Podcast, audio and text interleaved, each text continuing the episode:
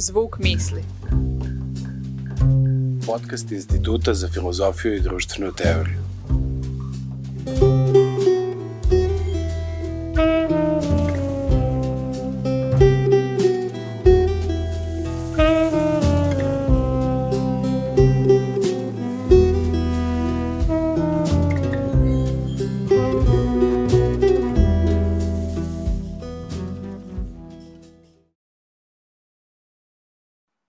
Dragi slušateljki, dragi slušalci, teoretski sladokusci, dobrodošli u drugu epizodu Zvuka misli, podcasta Instituta za filozofiju i društvenu teoriju.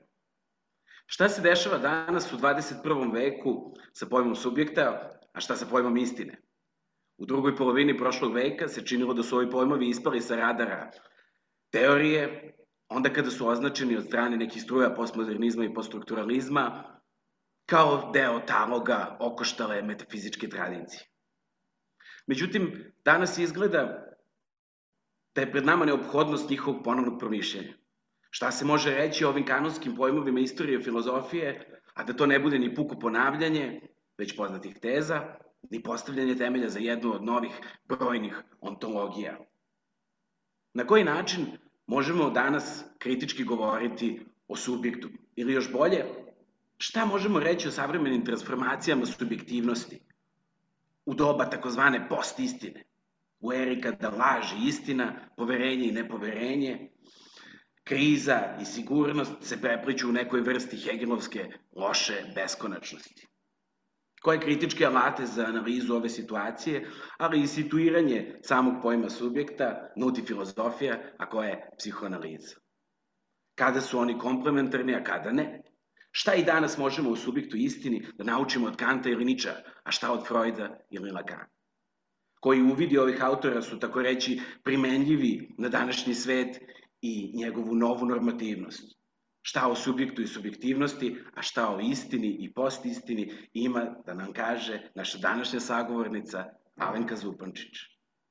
Alenka Zupančić je čuvena slovenačka filozofkinja i teoretičarka psihoanalize, profesorka istraživačica na Institutu za filozofiju Univerziteta u Novoj Gorici.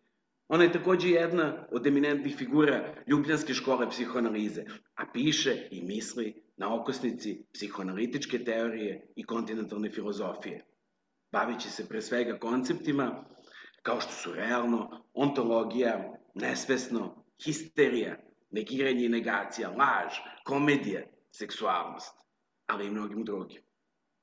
Podsjećamo da su neki od njenih najpoznatijih naslova Ethics of Real, Kant and Lacan, The Odd One In, on Comedy, The, shadow, the Shortest Shadow, Nietzsche's Philosophy of the Two, i poslednji naslov What is Sex?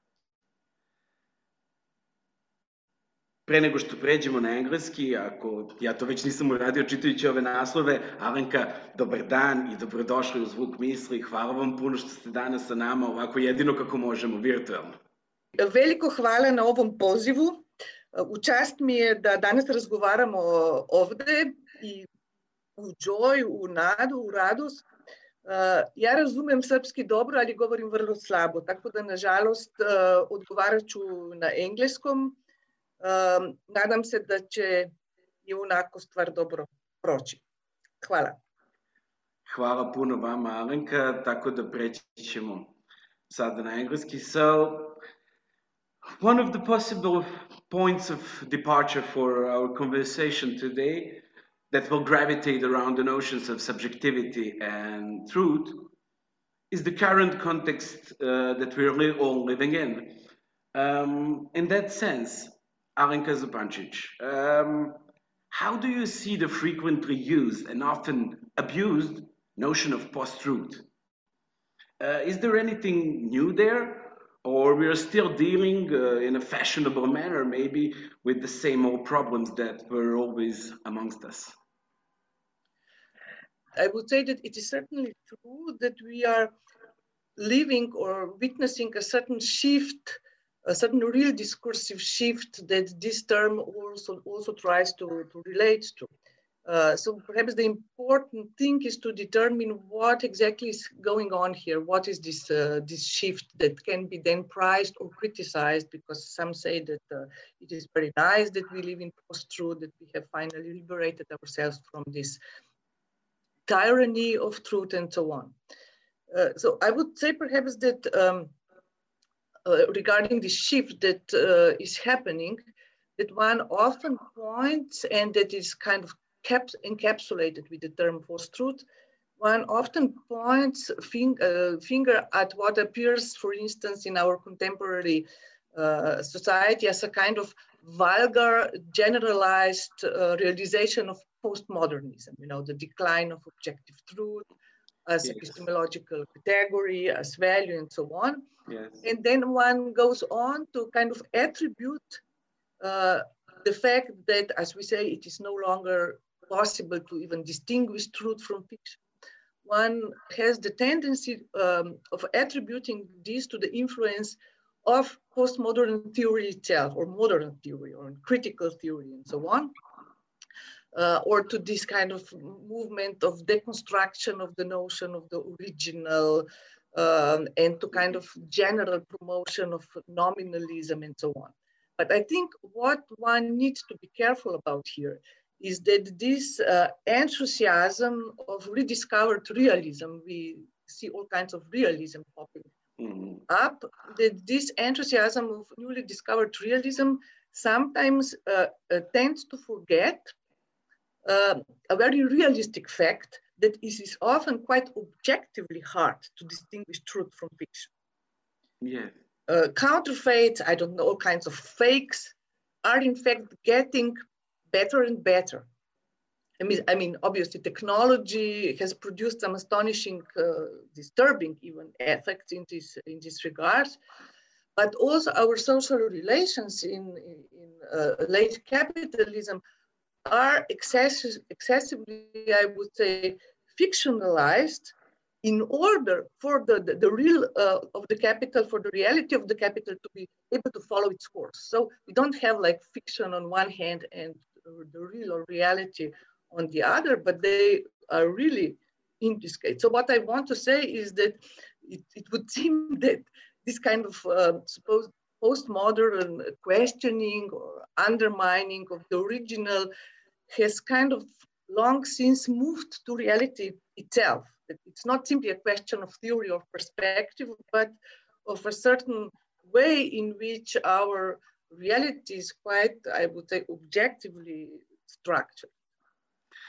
In that vein, I would I would like to mention an author that that that you cherish and that you have been working a lot uh, during your career, and it is Nietzsche. So, is there any possible relation between the so-called post-truth phenomenon that we're speaking right now and the infamous Nietzsche's dictum, um, which affirms that there is no truth, but only interpretations. Uh, the Nietzschean idea of truth is nuance, as, as, as, you say. Nietzsche and the question of truth is really an interesting and, and complex question. Uh, so I'm not even sure if we have the time and opportunity today to really dig into it in some detail, but uh, concerning this, uh, this dictum that you mentioned, uh, there, there is no only interpretations. Um, I have to say that I'm not even sure if it does really describe the predominant social climate today. Yes. Namely, just like. let's think about what is uh, on, on, the rise. For instance, take the example of conspiracy theories which are not only today, I would say, on the rise, but they also seem to be really forcefully entering uh, the public space, the mainstream, even official politics. Obviously, sure. yeah, clear example, the, uh, the relation between QAnon and um, Donald Trump and even mainstream Republican politics. So I think that while on the one hand, and you will see why I mentioned conspiracy theory, because on the one hand, we can say that this supposedly democratic uh, relativization of or leveling of different claims, with scientific claims appearing as just one of many language games, mm-hmm. that this is today problem, that appears as a problem, uh, and that there is no public as a general common platform um, that would play the role of the big other. What would you say uh, on, on, the phenomenon of cancel culture in, in, in that context? Um, if I can just, uh, because I, I, I, didn't even get to the point what I was wanting to, what I wanted to say is that in conspiracy theories, what is yeah. really interesting is that um, if you stick how they functions, their claim is not at all there are only truths, there are only interpretations, but no truths. Uh, they very much believe in truth. Uh, and they mm-hmm. take the category of truth very seriously. So uh, they're just convinced that the truth is different from the official one. So the paradigmatic uh, theories are not there are many truths, uh, uh, but the, just we have to pick one or the other, but this kind of very, very almost fanatic truth, uh, uh, belief in truth. So uh, I, my point was simply to mm-hmm. say that um, in a different perspective, perhaps, the relativization of truth that we are witnessing today um, does not exactly present itself as a kind of playful, easygoing, uh, postmodern dancing around, but often has precisely this kind of uh, phonetic belief as uh, its important ingredient. Yeah, so yeah, cancel culture, I guess it's yet another, uh, it's yet another uh, thing. It's not so much the question of um, uh, fiction and truth as it is about a certain belief um, in the real uh, that functions all, almost as a kind of preemptive strikes that will make impossible for certain uh, statements, be the true or false, to appear at all.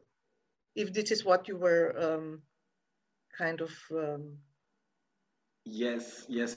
Uh, we will we will get to the to the topic of trust and mistrust a little bit later on, but I don't want to to to waste the opportunity to, to ask you about about what do you think of of the notion of lie and lying because you were writing extensively on that subject and and you're you're you're insisting notably that that on the fact that truth and lie are not symmetrical. So can you please say a few more words about that? And do you see the emancipatory potential in lie, maybe, or or what what do you read from from from its um, its state today? What, what, what is light today?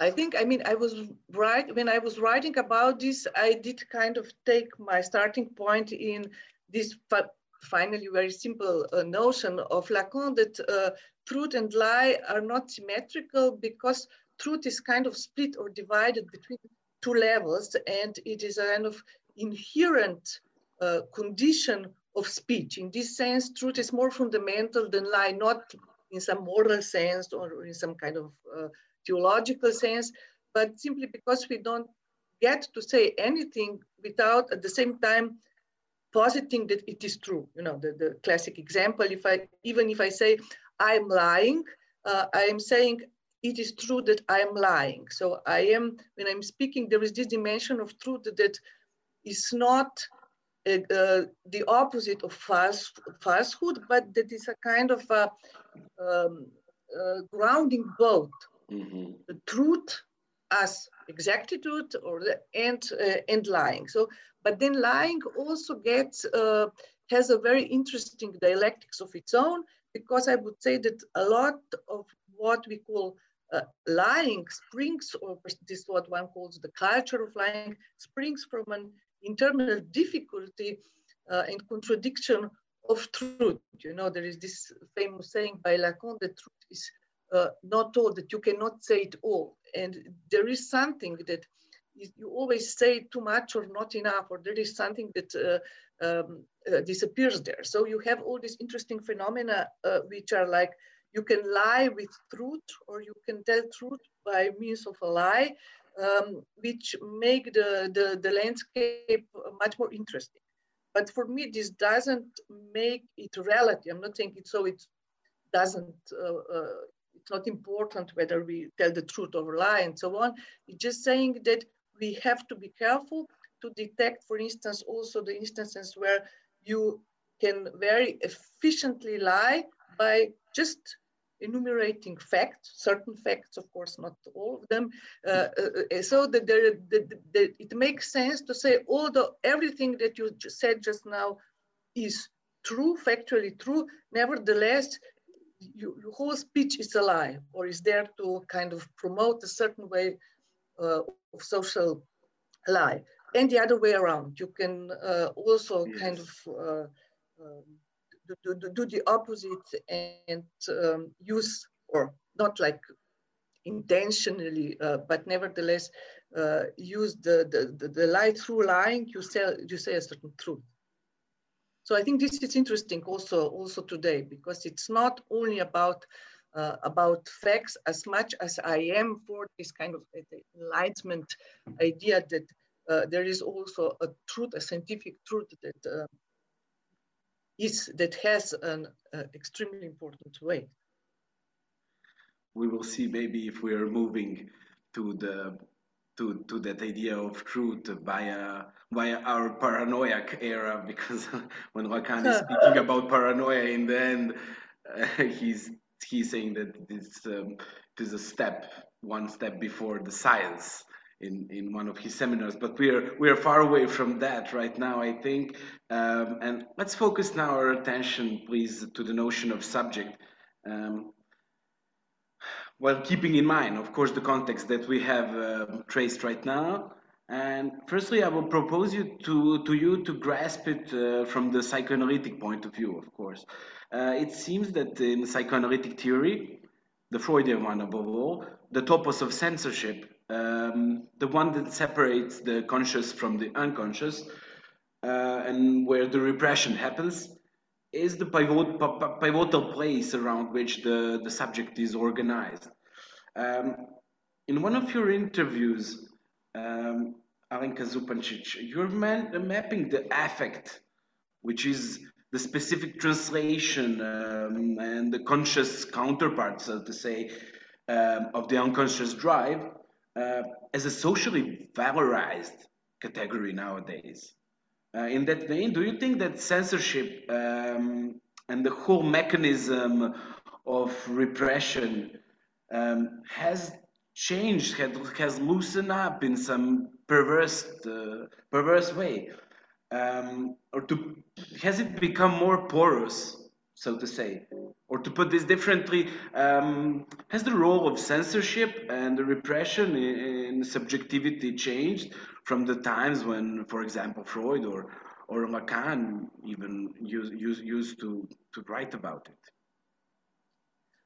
Uh, yeah, to, to some extent, it definitely did change. Also, I think we should be careful to, um, to see precisely what is going on here. If it's just um, kind of um, censorship becoming less severe, or is it that something uh, that the censorship is structured, its modality is structured in a different way, which precisely includes mm-hmm. some way of acknowledging uh, what we know uh, as a way of perpetuating the, the, the repression, the, the verdrängung, the unconscious. And uh, I think I, okay, I don't know, I can go there directly or you want me first to uh, answer this more general question about the Lacanian subject. What, what is it, the Lacanian subject? Or we go first to interrogate a little bit, what are these specific modalities of uh, repression today?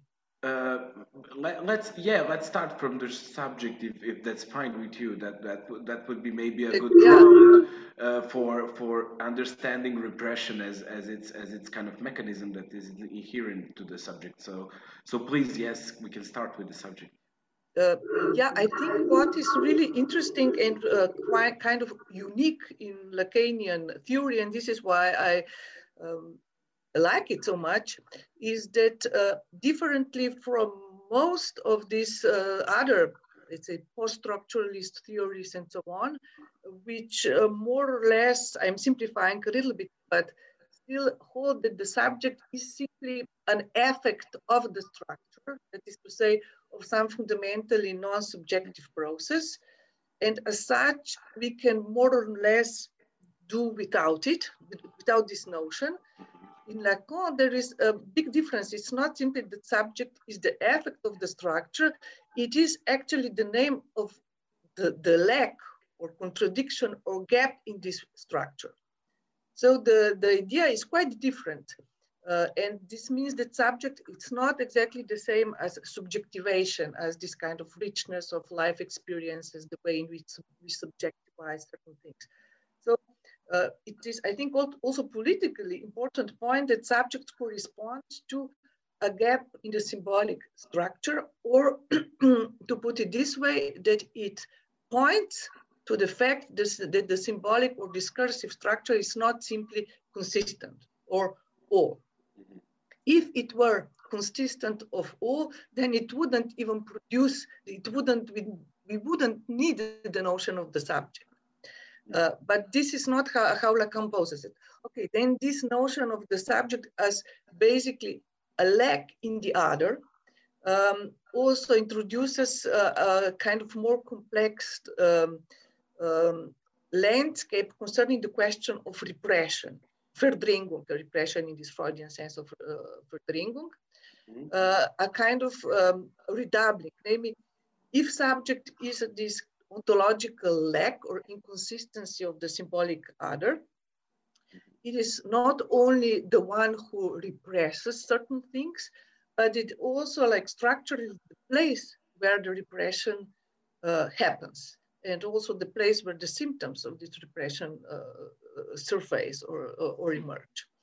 So, and so Freud, I think, saw this or intuited this. He doesn't have an explicit theory about as Lacan does, but he intuited this, and this is why I think he introduced this term of Urverdrängung, you know, the primary repression, which is a kind of, the idea, the idea is that the repression doesn't start to be the first thing you repress, but it is kind of built in, the unconscious is, is built in as a negativity in the very symbolic structure. So it's not directly personal. So, um, but so, and just one more important point that I think relates to this is this is why, for instance, Lacan can say that uh, uh, formations such as society in general or family or this or that institutions, these are not simply formations that induce repression, that, that demand repression, as in this kind of classical uh, Frommian understanding, mm -hmm. but are actually creations built on repression and with repression, with Verdrängung. So they're struggling themselves with an inherent gap that uh, determines with an inherent impossibility. And I think this is very important. Yes. Uh, so when uh, it is important also to, to kind of keep that in mind when we uh, move then to your second, uh, to the second part of your question, which is what is what has changed lately in this way in which um, we, uh, in which these structures try to keep the antagonism or their inherent possibility repressed or out of sight, so to say. Mm-hmm. Um, and uh, I think uh, one uh, of the ways which is becoming absolutely predominant, you know, uh, what you said that is, is it diminishing the, the censorship? Uh, Freud already introduced two ways in which repression is being um, sustained mm -hmm. by means of us fully consciously declaring the very thing that is repressed. You know, one uh, well-known example is from Verneinung paper, you know, when yes. uh, the analysand uh, says without even being asked this question, oh, I had this dream, there was this person in it. I don't know who this person was, but it surely was not my mother. you know, yeah. this is the way you, you pronounce it. You say mother. It is there in front of your eyes, but it is a way of precisely not seeing what you say. I mean, it's, uh, and, but the other, which is even more relevant, I guess, for our present social, for the way in the repression function is, functions in this social uh, way and stage is um, the case of fetishist disavowal. You know, this mm-hmm. famous. Uh, can you say, I know can you very say a few well. words about that about that concept, please? Because it's yeah, yeah. really important for for yeah i think it's really important and it has this kind of perverse distortion in it which i think it's extremely important for the way uh, our relationship to, to, what is going on functions and our uh, unconscious can be sustained. So it is uh, the basic um, structure of fetishist disavowal is, uh, you know, this saying, I know very well that this is so and so, but somehow I keep believing that it is not so, or I believe the opposite, or, or still believe it. Uh, and um, I would really say that this is a kind of predominant uh, mode of how uh, today uh, very often uh, huge or quite problematic forms of repression are being sustained by us or sometimes by some leaders or whatever, kind of shamefully displaying and blatantly stating uh, what is there, but uh, nothing follows from there. You know, um, so there we can, we all know, no? there is, very often we, we hear this formula, but we all know what is going on. And it seems that as if this knowledge itself was a way of protecting us from acknowledging the, the consequences of this knowledge. So here, this perhaps uh, uh becomes a little bit more complicated, but I will try to explain how I think uh, what is uh, what is happening here. So we have a kind of um, um, structure of the, of the fetishist disavowal, je sais bien mais quand but there is a further twist in it. Um, so it is no longer simply, I know very well that there is no X, but I keep believing there is. Um, but actually it is now as if that I know very well that there is no X, and this is precisely I can go on believing in it. As if this knowledge were enough and justified my actually, uh, um, as if it robbed this knowledge of all consequences, because it is enough uh, that, that we know. So while in the classic fetishist constellation, the disbelief, the unconscious belief is kind of delegated to the fetish. You know, the, the, the fetishist is, it's not that, uh, I know very well, for instance, I know very well, this is the Freudian example that women don't have a penis, uh, but I, it is not that, but I secretly believe that they nevertheless do. It is the fetish that believes this in my stead. It is the shoe, whatever, it, it is the belief is delegated to the, to the fetish. And my point would be that what is going on today is that the knowledge itself functions also as this kind of uh, fetish. So this kind of precipitated knowledge, the awareness of how things really stand, we know realistically how they are, makes it possible for us to ignore what we what we what we know. So it is not I know very well, but I nevertheless uh, continue to believe the opposite. But rather, as I said, I know very well, and this is why I can go on ignoring it, or it can stay uh, in this way. Uh, so it is, and I think it's really kind of um, um, blatant if you look at how very often some things that is suddenly revealed and it uh, looks like a total scandal uh, is then immediately um, transformed into this kind of general consensus. Oh, but we knew this all along. You know, it's nothing. Uh, uh, and this is quite interesting for me. How they, and this is for me the fetishization of knowledge, not in the sense that knowledge is so important in this common sense of fetishization, but precisely in the Freudian sense, knowledge itself is this fetish, this object, this shoe uh, that uh, kind of um, takes on the, uh, the surprise, uh, suppressed or um, uh, belief that it is actually not true. So uh, we are, and so, so, this is interesting because it looks that it is, um, it is not simply that everything is out on the open. This would be my point regarding your question, that now the censorship has diminished uh, but the modality, the form of censorship and of keeping things unconscious, profoundly unconscious, has changed. And the fact that they're right there in front of our eyes, it's not necessarily an indicator that the, the, uh, the censorship is no longer there. It just means that it uses another means of being effective. So I think there is still a lot of repression and censorship going on, but that it had found this kind of perfidious, perverse form that is very like, uh, very connected to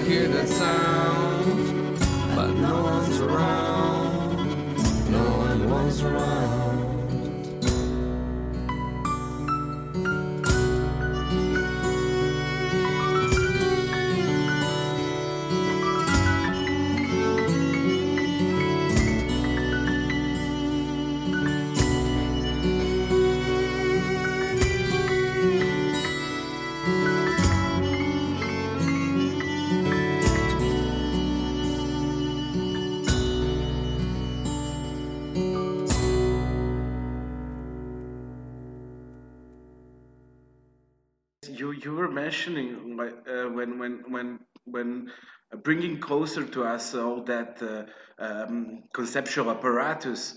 Um, you were mentioning uh, words like belief and trust and the perfidious way in which yeah. all functions. Uh, how do you how do you see the notion of of trust and belief? Have have this what we, what you have been talking about? Can that signify uh, the the final takeover of trust? Actually it's it's form that that has become uh, so predominant that it is uh, it is dictating the real in some sense. In what i was just saying this kind of um, combination of uh, knowledge we know all about it we are nobody's dupes this is also an important uh, we, are, we are no fools no, we know this seems to be a very strong motivation in this knowledge functioning as um, the fetish here in, in, this precise Freudian sense. Uh, but I think what is interesting precisely in this configuration is also the kind of coincidence, I would even say, of trust and mistrust. So, you know, yeah. that, there is uh, a very interesting way in which um, the, the mistrust is the very form of trust. Uh, I mean, just with with with the yeah. negation in front, so it's even more richer in some sense. It's uh, not some kind of a sublated trust, if you yeah, want. no, no, it's no, it's actually, only it's yeah opposite, no, which is uh, yeah, opposite. Uh, precisely. And here again, if you return to, to, to the example that I uh, suggested earlier, a very good example of this is precisely are precisely again conspiracy theories. You know, where you mm. have this kind of clear coincidence of uh, absolutely mistrust or paranoid mistrust towards all kinds of things, uh, particularly official versions of events, authorities, and so on. But at the same time, also this incredible trust or belief in uh, whatever, not only in the theory that they are proposing, but also I would say that this combination of trust and mistrust is kind of, or uh, coincidence of trust and mistrust is kind of uh, part of the very form of what we could say is there the conspiracy theorist uh, big other, you know, if you use this kind of uh, Lacanian, because uh, Lacanian concept, because uh, conspiracy theories have a very, very interesting relation to the, uh, to what, to this agency that Lacan uh, calls the, the, the big other. Namely, on the one hand, they believe, they are convinced that a big other actually very much exists, differently from what Lacan says. They, they believe that it exists in the sense that they believe that there is uh, an agency which is in itself absolutely consistent, operates purposefully, pulls all the strings, and there is no lack or gap in this agency. It is absolutely consistent. So in this sense, they believe that the big other, not divided or exists.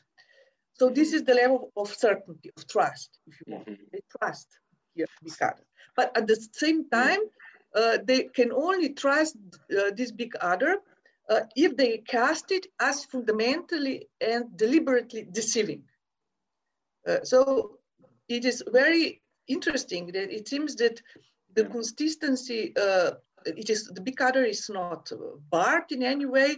It is a consistent big other, but it can only be as a big other. It can only be a big deceiver with capital D, a big fraud, a big cheat. So uh, don't believe anything they say.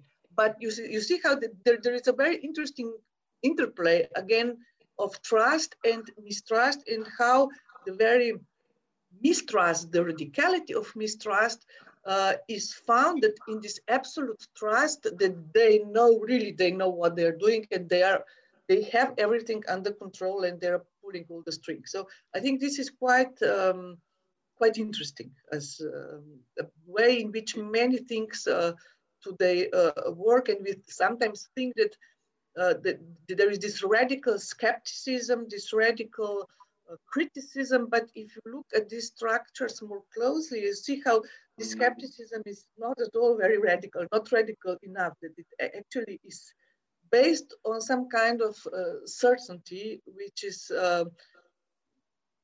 which sustains it. Yes, let's let's stay. Uh, that that that like uh, raises many many topics that I would like to ask you, but but let's stay on the on the on the maybe a little bit more on the on the notion of mistrust, uh, Unglauben, which is so important for Freud and yeah. and, and Lacan, and and of course in relation in relation to denial, which we were which we were mentioning already, and in all of that, in the context of, of uh, the global rise of, of right wing populists, so to say, ideologies that seem all to rely heavily with the conspiracy theories and everything around it on popular mistrust. So, mm-hmm. so is on the one hand, is is denial the the new the Verneinung? Is it is it the new pre, predominant type of repression. And so, and we, we have touched on the subject that trust is in some way definitely replaced by mistrust as a constitutive feature of reactionary subjectivity. Um, one question that would underline um, the, the two, the first two ones would be if we used to live in uh, neurotic times, are we living now in a deeply paranoid era? I mean, one thing that one perhaps needs to say, nevertheless, is that this mistrust, it's not simply, I wouldn't simply define it as a kind of a uh, necessarily reactionary or pathological formation, or is it, it is Just pathological, extreme, uh, it is pathological in the, um, in the sense or to the extent to which also uh, the um, points to some pathology uh, of the, the way our society functions today. I mean, not because of these people being paranoid, but because there is something in the very structuring of uh, uh, the social order that uh, kind of not only induces, but we could perhaps even say justifies a certain paranoid uh, attitude. So yeah. it is not simply that, okay, they are paranoid, so they're crazy, forget. There is a certain truth if we, re, if we return uh, go back to what we were talking about in relationship to truth and lying,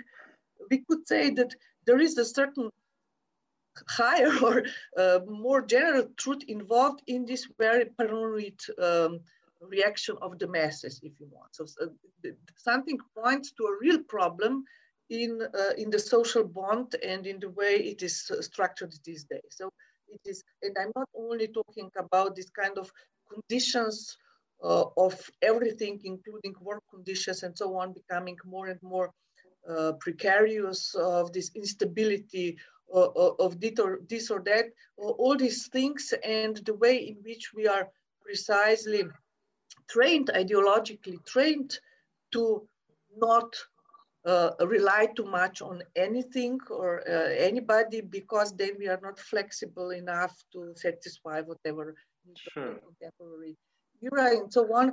Uh, so there is certainly a lot going on. Um, this is also why I don't think that we should also uh, simply dismiss uh, these movements, including the most reaction, reactionary one, as uh, wrong. Of course, they are wrong. They are wrong in most of what they are saying, but there is a certain truth uh, that pertains to the reasons of why and how they emerged in this particular point in in time, in history, in social relations. So um, this would be definitely something that we uh, do, that we have to uh, bear in mind. So I wouldn't even, I mean, a reactionary subject. I mean, uh, it's not a just justification. It's just that we need to uh, keep the two levels um, of truth and of the, the lie or falsehood in front of our eyes in order not to um, to fell prey too quickly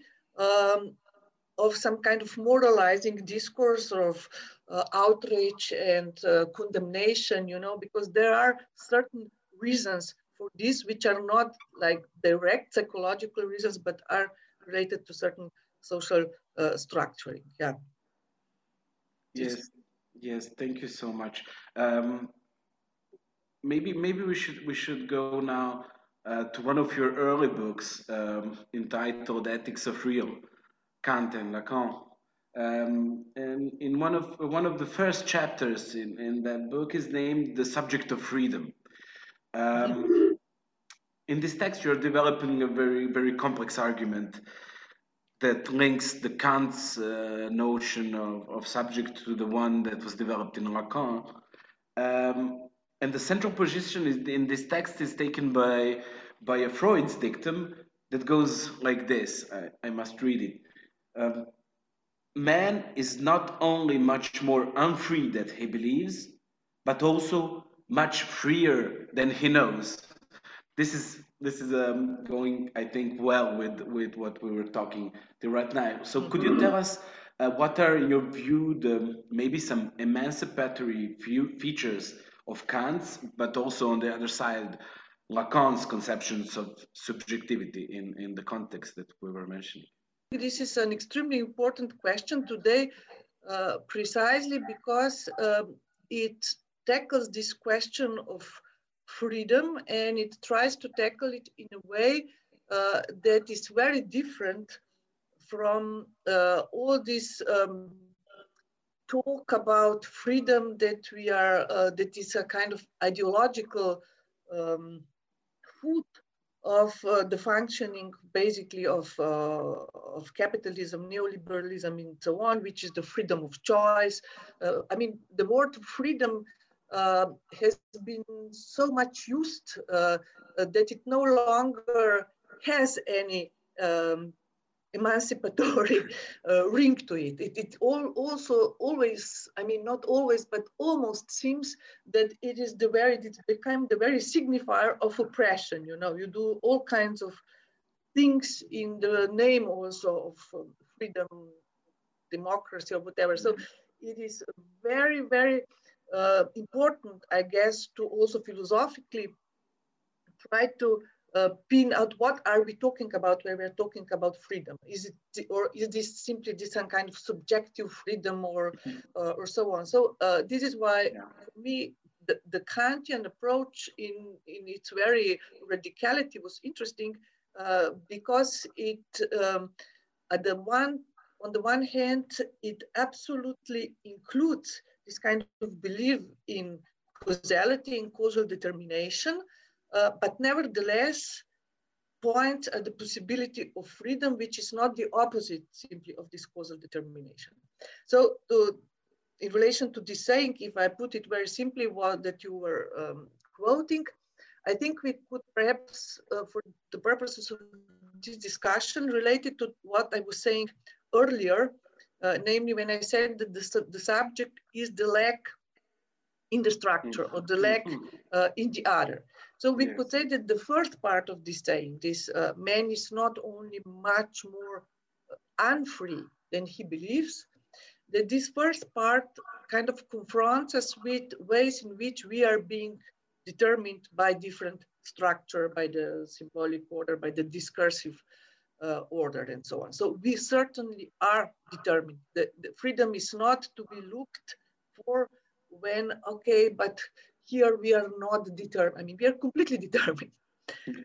but the second part, but we are also much freer than we know, uh, yes. uh, refers to what I was um, uh, saying before about this structure of, of, causal determination being in itself, in, involving in itself a moment of inconsistency or lack, which is not simply to say, okay, here there is no causal determination, there is, but it is uh, constructed in a certain way, which involves a certain gap. Okay, you can also say that causality, the notion of causality as such, always involves a gap, that it is not the same as the law, you know, of action and counteraction, where the two actions are actually two sides of the same thing, but that, that cause or there is a gap, and this is a famous, uh, famous dictum by Lacan and he says that um, there is only the cause of something that doesn't work completely smoothly. You know that, that there, is, a certain that for in order for the cause to be a cause, there is a lapse uh, through which it is determined or it is decided that it is a cause or something like okay not to complicate things uh, too much we could say that the other causal determination in this sense does not fully uh, cover uh, its own field so uh, not that it is they're absent or something. That, so freedom of the subject does not mean that then the subject can overrun ca causal determination or act against it in some kind of ecstatic act. It means that causal determination itself involves a kind of internal blind spot and the, the name of this blind spot is subject. This is all it means. It doesn't refer to some, uh, I don't know, act of uh, and what kind of freedom. So it's um, it is interesting because this suggests that subject precisely is not the opposite uh, of, uh, of structure, some kind of autonomous agent or power external to the structure, but mm -hmm. the mm-hmm. name of the inconsistency of this structure, which has this uh, this thing built into it, so to say. So, um, and one more thing, because there was a lot of uh, contemporary theory that emphasized also um, uh, this kind of omni um, um, omnipotence of the other, of power, and so on. And I think this is interesting in this uh, context as well. It has political implications. Uh, for instance, we can say, of course, the power of the other, of the discursive, whatever, uh, can be seen as very paralyzing for human agents uh, compared to our power. Uh, but the, the claim is, but nevertheless, it is not without contradictions. It has weak points. But on the other hand, for instance, if you think of this notion of micro power, micro power, which was kind of very popular, fashionable at some point, um, I, I, think this notion is symptomatic because it is kind of, if it suggests, contrary to what Lacan is saying, it suggests this idea of a closed, uninterrupted continuum of consistency. You know, micro power basically means that power exists or is filling in every pore of our social tissue. So almost like there is no, precisely, there is no lack in this other. There is no consistency. And so and this is the difference. It's, of course, if you say there is inconsistency, this does not uh, imply any direct uh, freedom. It is, but it is a point when things happen.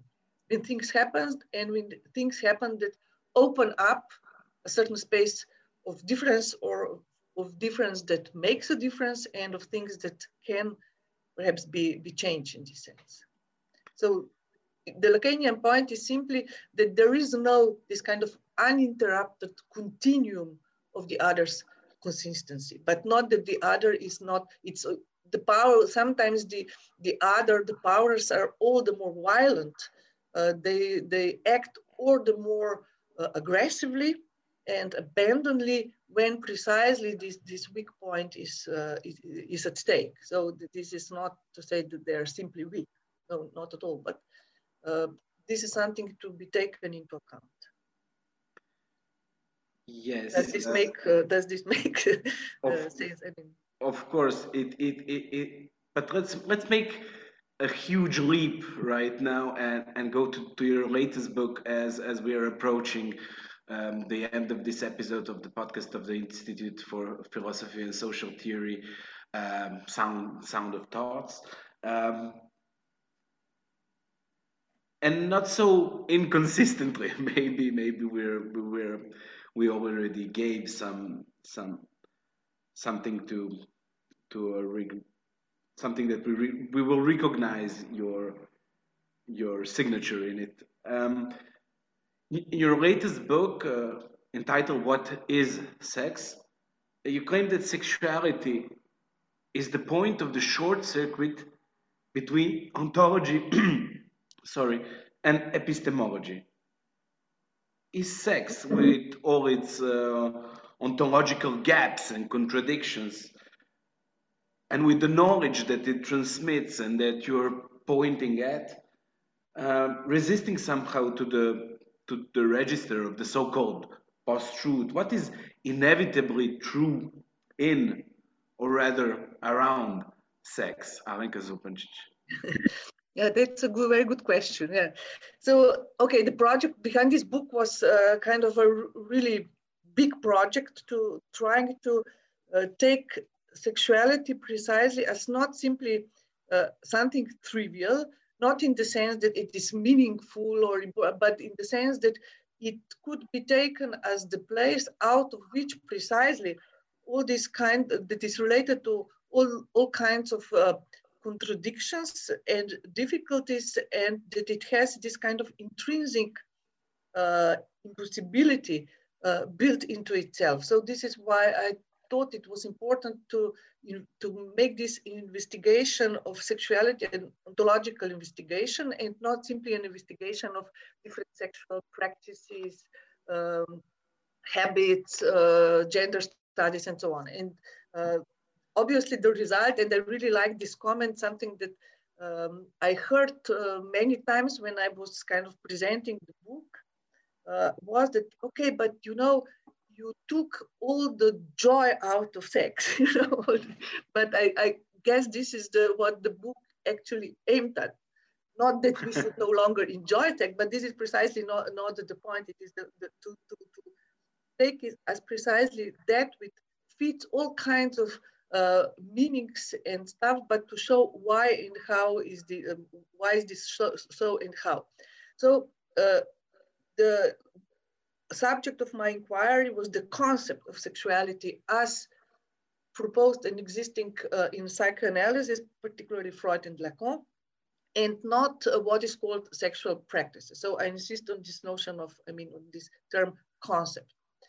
Um, and precisely as a concept, um, sexuality is very much related on the one hand to, uh, to this what we were discussing earlier as this negativity or lack mm-hmm. of the structure in the structure. So we can say that sexuality stands with one foot uh, in the lack or negativity, in the minus that defines for Freud the topology of the unconscious. Mm-hmm. But it also stands with its other food in a surplus.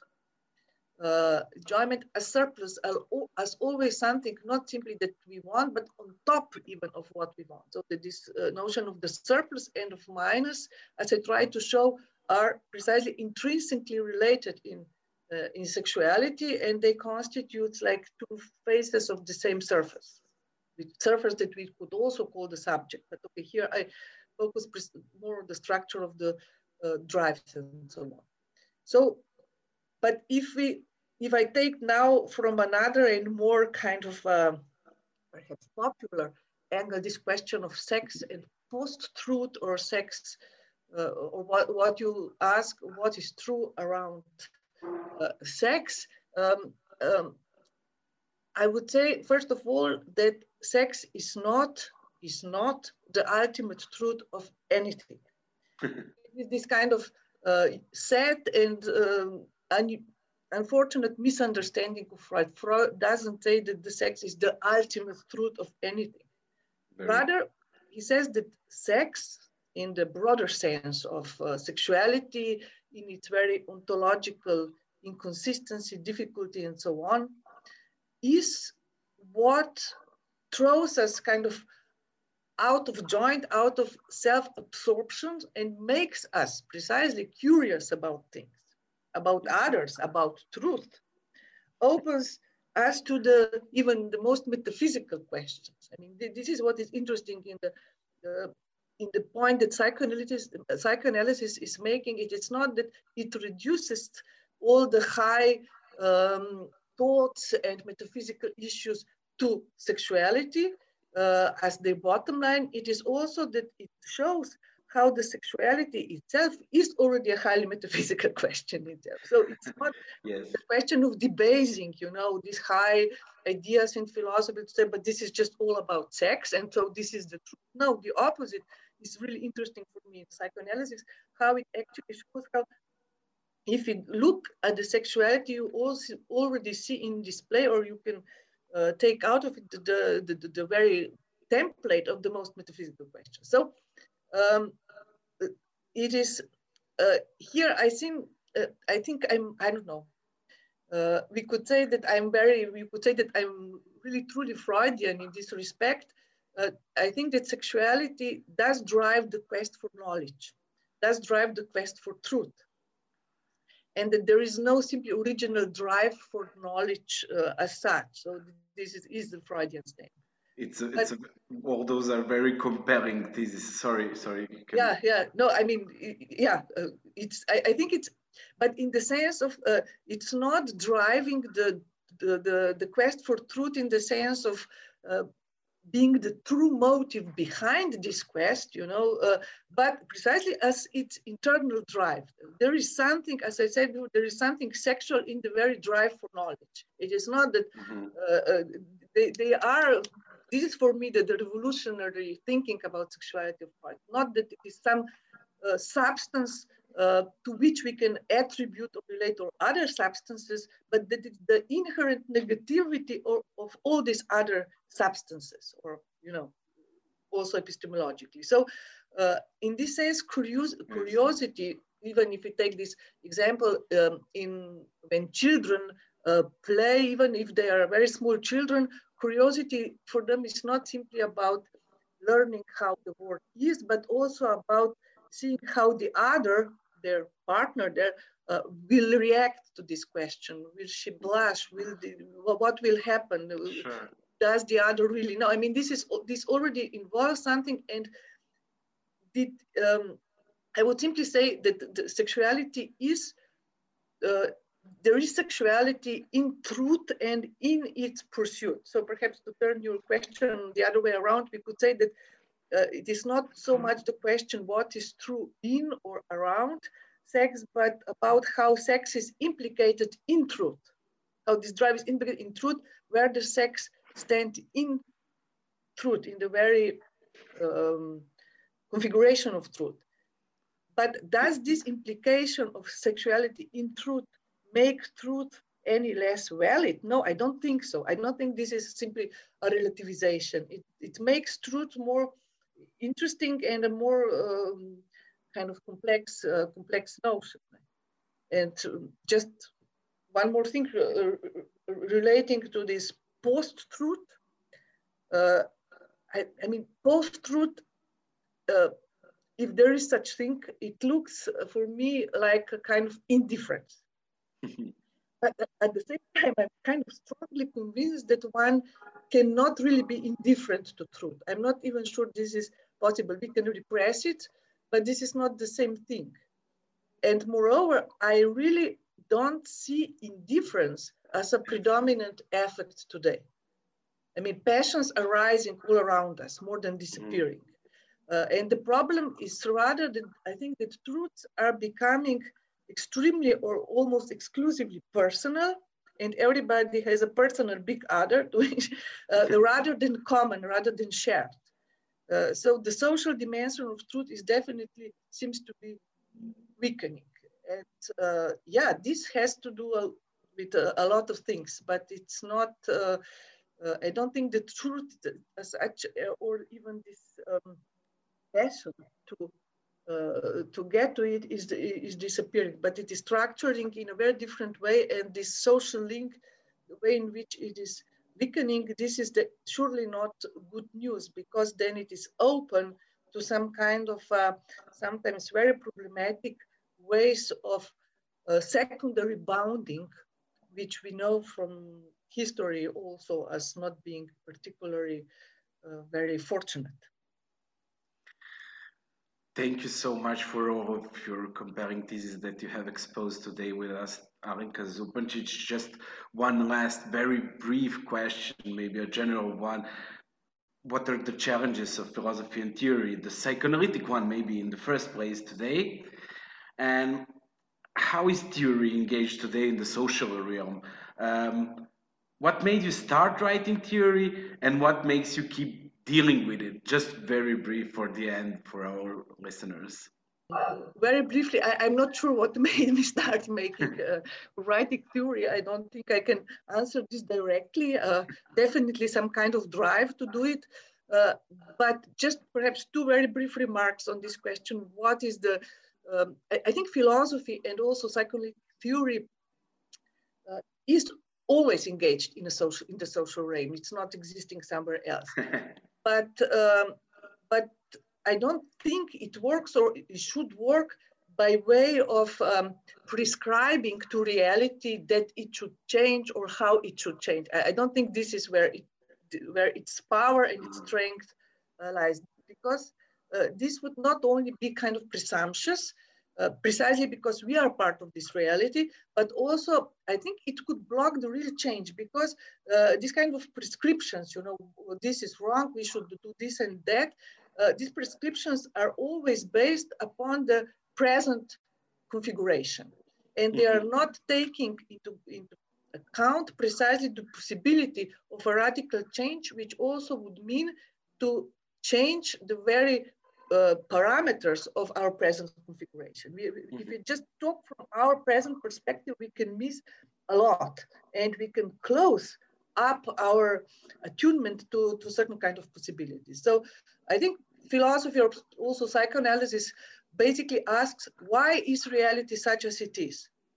Not in order to justify it, but precisely to see what internal contradictions it harbors and what internal contradictions it tries to accommodate or obfuscate or repress, and how by what means. And I, and I think if it does this, it already does a lot.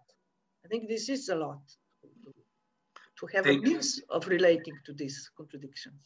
Thank you so much. It's a, it's a, it's a, it's a perfect um, place where, where, where we will stop now. And I would like to thank you in front of the Institute of Philosophy for Philosophy and Social Theory from the University of Belgrade. It was uh, it was very very interesting. It was it was compelling, um, and and I thank you once more. Um, uh, I hope to to see you once also in Belgrade. It would be a really a great joy for us. We will try to try to we will see the circumstances and then we then we will, we will most surely um, continue. Uh, thank you so much for this conversation and and yes, that was the that was the second episode of Sound of Thoughts. Uh, the podcast of the Institute for Philosophy and Social Theory. Thank you, Alenka Zupancic. Thank you very much for giving me this opportunity. Uh, I hope it makes some sense what I said. yes, th thanks a lot. Thanks a lot.